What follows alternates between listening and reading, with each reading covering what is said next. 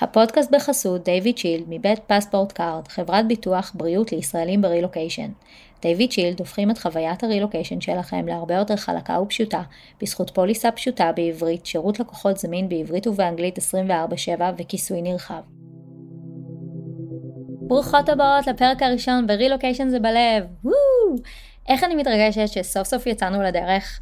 הפודקאסט הזה הוא חלום אה, שמבחינתי זה ממש הגשמה שלו, אני חושבת שזה משהו שאני אה, חולמת עליו כבר למעלה משנתיים.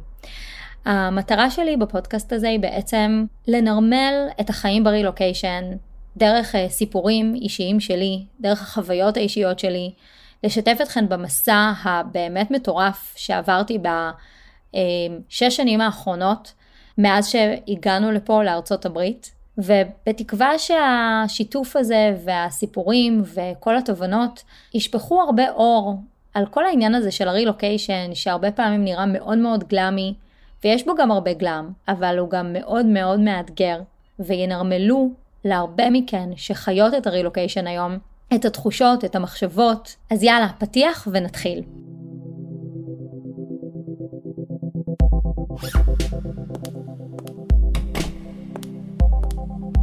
מסע הרילוקיישן יכול להיות עמוס באתגרים, אין ספור חוויות והתמודדויות.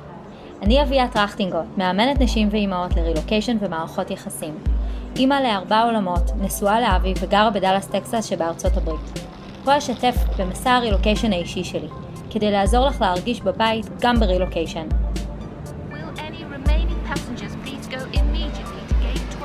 כי רילוקיישן זה בלב.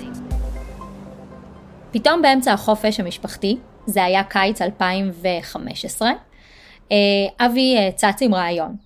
אני אשתף שישבנו בג'קוזי, היינו באמצע אה, חופשה משפחתית, ופתאום באמצע, באמת out of nowhere, אבי אומר לי, מה את אומרת? אולי נעשה רילוקיישן לארצות הברית. עכשיו, אני כן צריכה להגיד ש...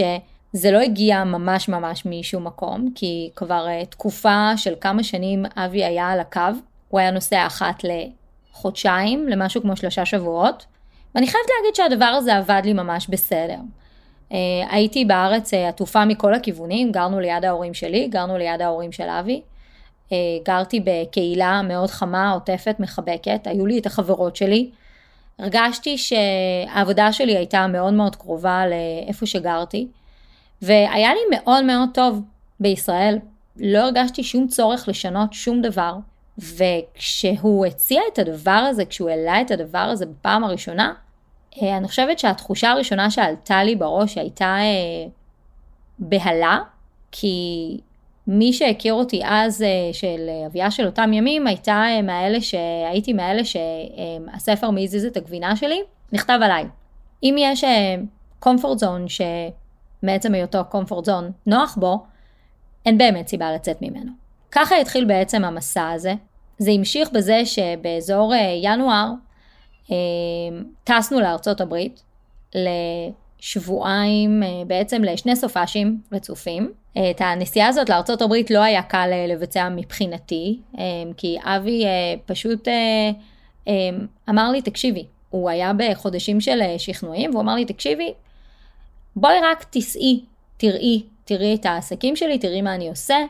נלך נבדוק קהילה או שתיים אמריקאיות, יהודיות, כדי שנבדוק האם בכלל זה מתאים לנו. וזה היה ממש כזה קצת כמו שילד יושב ליד השולחן והוא לא רוצה לטעום מהאוכל, ואומרים לו, רק תנסה, רק תטעם. מה אכפת לך רק לטעום? אם לא תאהב את זה אל תאכל. אני חושבת שזה משהו שמאוד מאוד אפיין אותי בכל ההתחלה של המסע שלנו. אני הייתי הילד הזה שעמד, אה, ישב ליד השולחן או עמד אה, כזה בפינת החדר ומשך בכתפיים של לא, לא רוצה, לא בא לי. ובכל זאת, אה, השתכנעתי לטוס לאמריקה. עד שהגענו לארה"ב גם השארנו בבית שלושה ילדים. יעל אז הייתה בת שש, דביר היה בן ארבע ויובל היה בן שמונה חודשים. המטפלת שבנינו עליה, שתעזור לנו, אה, בעצם אה, תסגור לנו שם אה, לפחות 50% מהפינות, לפחות של היום, ואחר צהריים כבר הסבתות נכנסו לתמונה.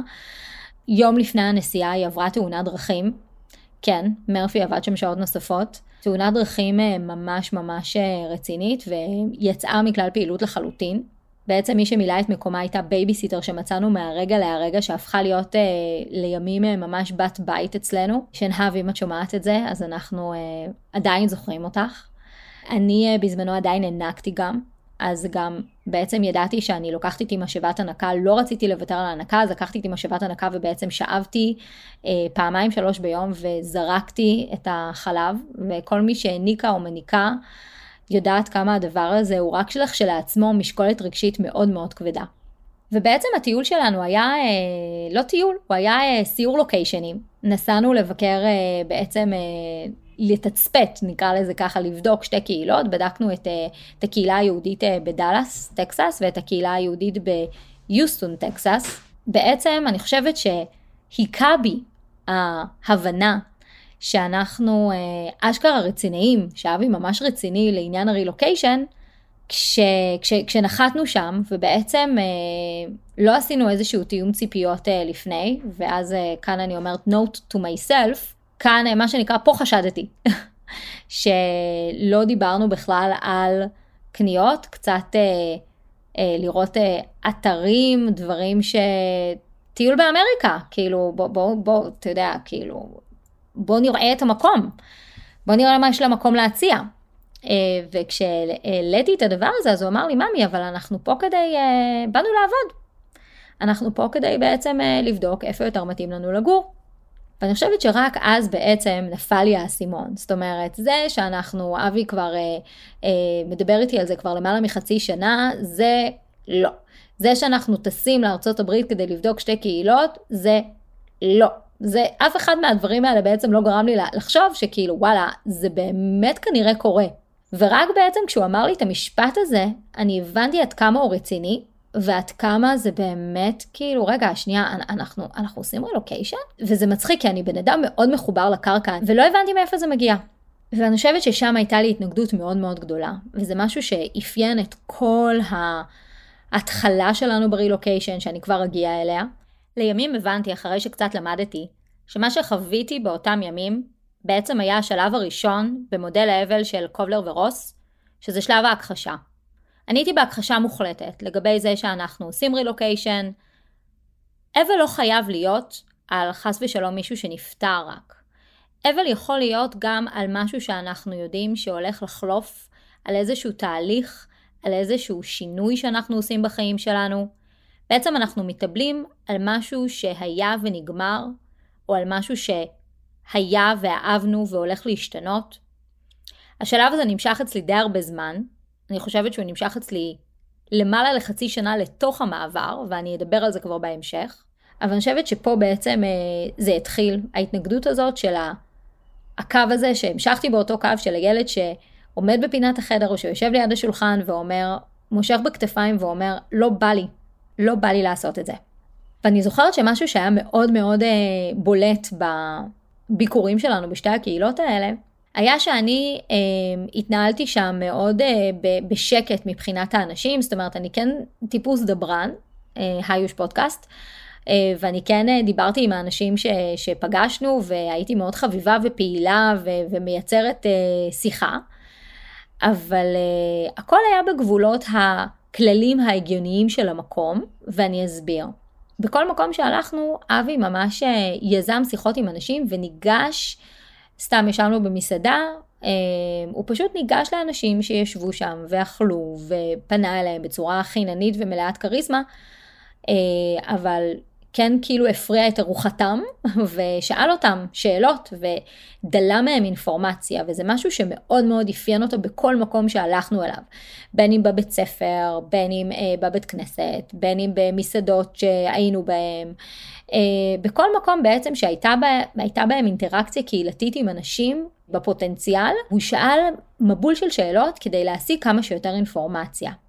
ואני זוכרת את עצמי עומדת שם, וכל מה שעובר לי בראש זה מה נסגר איתך בן אדם? מה נסגר איתך? ואפילו היה שם איזשהו, אה, איזשהו פן שאפילו התבייש בסיטואציה הזאת, כאילו איזה פדיחות הוא עושה. והיום אני יודעת שהדבר הזה, זה היה אה, המפתח המשמעותי ביותר להסתגלות שלו, שלי באותם ימים לא היה אותו. וזה היכולת בעצם לראות את המטרה לנגד עיניו. עכשיו, חייבת לציין שכל מה שהוא עשה, הוא עשה בצורה נעימה ומנומסת ומלאת חן, ועדיין אני מאוד נרתעתי מהדבר הזה.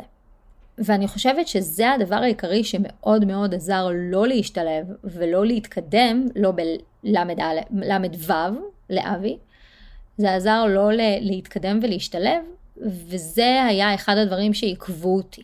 ואני חושבת שהבסיס לדבר הזה נמצא במה שניהל אותי באותם ימים, וזה תחושת מושלמות, הצורך בלהיות מושלמת, שאפשר להחליף את המילה מושלמות גם בפרפקציוניזם, אל מול מצוינות שבאותם ימים לא הייתה מנת חלקי, ואני אסביר.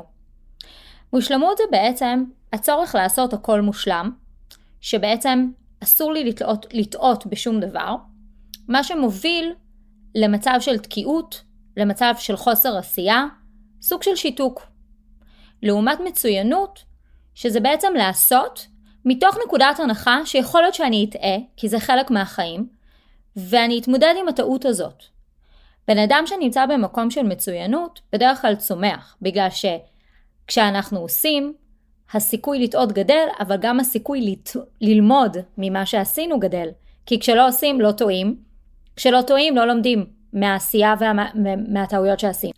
ואם אני מתרגמת את זה בעצם למה שעבר לי בראש לאות... באותם ימים, שאני חושבת שהרבה מכן תוכלנה להתחבר לזה, זה המחשבה של מה יגידו עליי, מה יחשבו עליי, מה יהיה אם אני אטעה, מה יהיה אם אני אפתח את הפה ואני אשמע סתומה, מה יקרה אם אני אפריע להם בארוחה, מה הם יחשבו עליי. מה יחשבו עליי היה משהו שמאוד מאוד ניהל אותי, זה היה לדעתי אחד השחקנים המרכזיים במגרש שלי. לימים, לימים אני למדתי איך להתפטר מהדפוס הזה, מדפוס המחשבה הזה שממש ניהל אותי. אני לא אומרת שהוא לא קיים, אני חושבת שזה רק אנושי שאנשים יהיה אכפת להם ממה שחושבים עליהם, אבל זה לא משהו שמנהל אותי היום. אני ממש יודעת לנהל את זה, ולא שזה ינהל אותי, ואני כמובן אדבר על זה עוד בהמשך. ואני שומרת את הנקודה הזאת, ואני רוצה רגע לקפוץ קדימה. נחתנו בדאלאס. אוקיי, אני קופצת לנחיתה שלנו בדאלאס. אנחנו מדברים על תחילת אוגוסט, חום אימים. יש לי מתאמנת שאמרה לי שהיא מדמיינת את דאלאס בתור כזה מין אה, מדבר כמו במערכונים, כמו במערבונים האמריקאים, אה, עם כאלה גולגולים של אה, אבק ושל אה, זרדים מתגלגלים ברחובות, אז זה לא כזה, למרות שיש בטקסס מקומות כאלה. אבל דאלאס היא עיר מאוד מאוד מערבית, יש פה הכל, דאלאס ובכלל טקסס מתאפיינים בגודל, הכל פה מאוד מאוד גדול, הכבישים יש בהם 800 נתיבים, אה, המיטות נורא גדולות, הרכבים נורא גדולים, הכל נורא נורא נורא גדול. אה, זה משהו שמאוד מאוד אופייני לדאלאס. ואני זוכרת שהדבר הראשון שעבר לי בראש כשנחתנו פה היה, מי מכן שנחתה אי פעם או יצא מהרכב אי פעם אה, באילת, יש את ה... בקיץ, יש את הגל הזה של החום, כאילו מישהו פתח עלייך פן עצום, אז זאת התחושה. ואני זוכרת שהייתי נורא נורא צמאה, ועייפה, ומבוהלת מאוד מהסיטואציה החדשה והלא נודעה שאנחנו הולכים לקראתה. ובאמת הימים שהיו ככה ממש אחרי הנחיתה היו ימים אה, מלאים ב- בלא נודע. אני לקחתי, אה, אחד הדברים שהצילו אותי בזמנו הייתה בייביסיטר ישראלית ששכרתי את שירותיה להיות עם הילדים, כי באמת הימים האלה שאחרי הנחיתה הם ימים שמלאים בהרבה מאוד אה, דברים טכניים לארגן.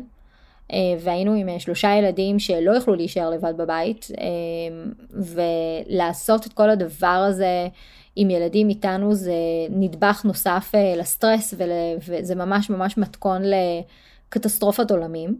וזה באמת היה אחד הדברים, אחד הצעדים החכמים ש, שעשיתי, זה היה בעצם אה, לשכור את שירותיה של בייביסיטר מראש, זאת אומרת כבר בארץ שריינתי אותה. כמה, שלושה ימים, אה, שלושה שבועות, סליחה, לתוך השהייה שלנו התחילו הלימודים, ועל זה אני כבר אדבר בפרק אחר. ואני רוצה רגע לסכם את הפרק הזה, ובעצם לדבר על, על המקום הזה שמה שיחשבו עליי מאוד מאוד ניהל אותי, וזה גם מה שעיכב אותי. והייתי רוצה, אם הייתי עכשיו יכולה לעשות ריוויינד uh, ולחזור אחורה ולדבר עם אותה אביה של לפני שש שנים, אני חושבת שמה שהייתי אומרת לה, זה היה החיים שלי, הכל טוב. קחי את זה רגע באיזי. אז שימי בצד את מה שיחשבו או לא יחשבו עלייך, אין לך יכולת לשלוט במה אחרים יחשבו עלייך. שימי את זה רגע בצד, אל, תש... אל תשתמשי בכלל באנרגיות שיש לך בשביל לתת על זה את הפוקוס. תני רגע את הפוקוס על עצמך. תני לעצמך רגע, או כמה רגעים, או הרבה רגעים, את הגרייס להבין שכל הדבר הזה, בטח אם עושים אותו עם ילדים, הוא כל כך כל כך overwhelming והוא כל כך כל כך קשה. תני לעצמך רגע את המקום הזה של להבין שוואלה, עברתי יבשת. עברתי יבשת עם בן זוג ושלושה ילדים. תני לעצמך רגע את המקום הזה של סבלנות כלפי עצמך. להסתגל לוקח זמן. להסתגל לוקח מלא זמן. ואם אני צריכה להעביר מסר לאנשים שבעצם הם המעטפת של כל מי שעושה רילוקיישן, שבימים הראשונים זה לחלוטין כל מי שנשאר בארץ.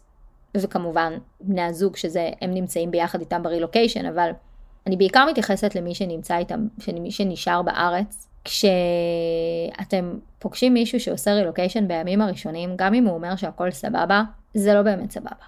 ואני קיימתי שיחות א', יש לי את הקליניקה עם המתאמנות, שרובן ברילוקיישן, אבל אני גם קיימתי שיחות עם למעלה מ-50 נשים ברילוקיישן, ואני לא שמעתי עדיין על מישהי שנחתה ביעד אליו היא עברה, ואמרה, וואו, מהמם לי, פגזים, פיצוצים, אני, אני על ענן.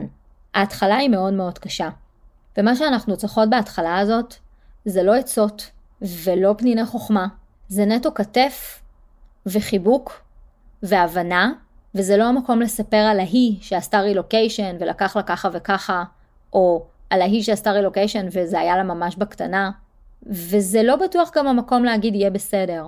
זה פשוט המקום להגיד, וואו, זה באמת נשמע ממש ממש קשוח. יש משהו שאני יכולה לעשות, יש משהו שאני יכולה לעזור בו, וכנראה שהתשובה תהיה לא, או כנראה שהתשובה תהיה כן, פשוט תמשיכי להיות שם בשבילי. אבל זה כל מה שמי שעושה רילוקיישן צריך בתחילת הדרך. תודה רבה.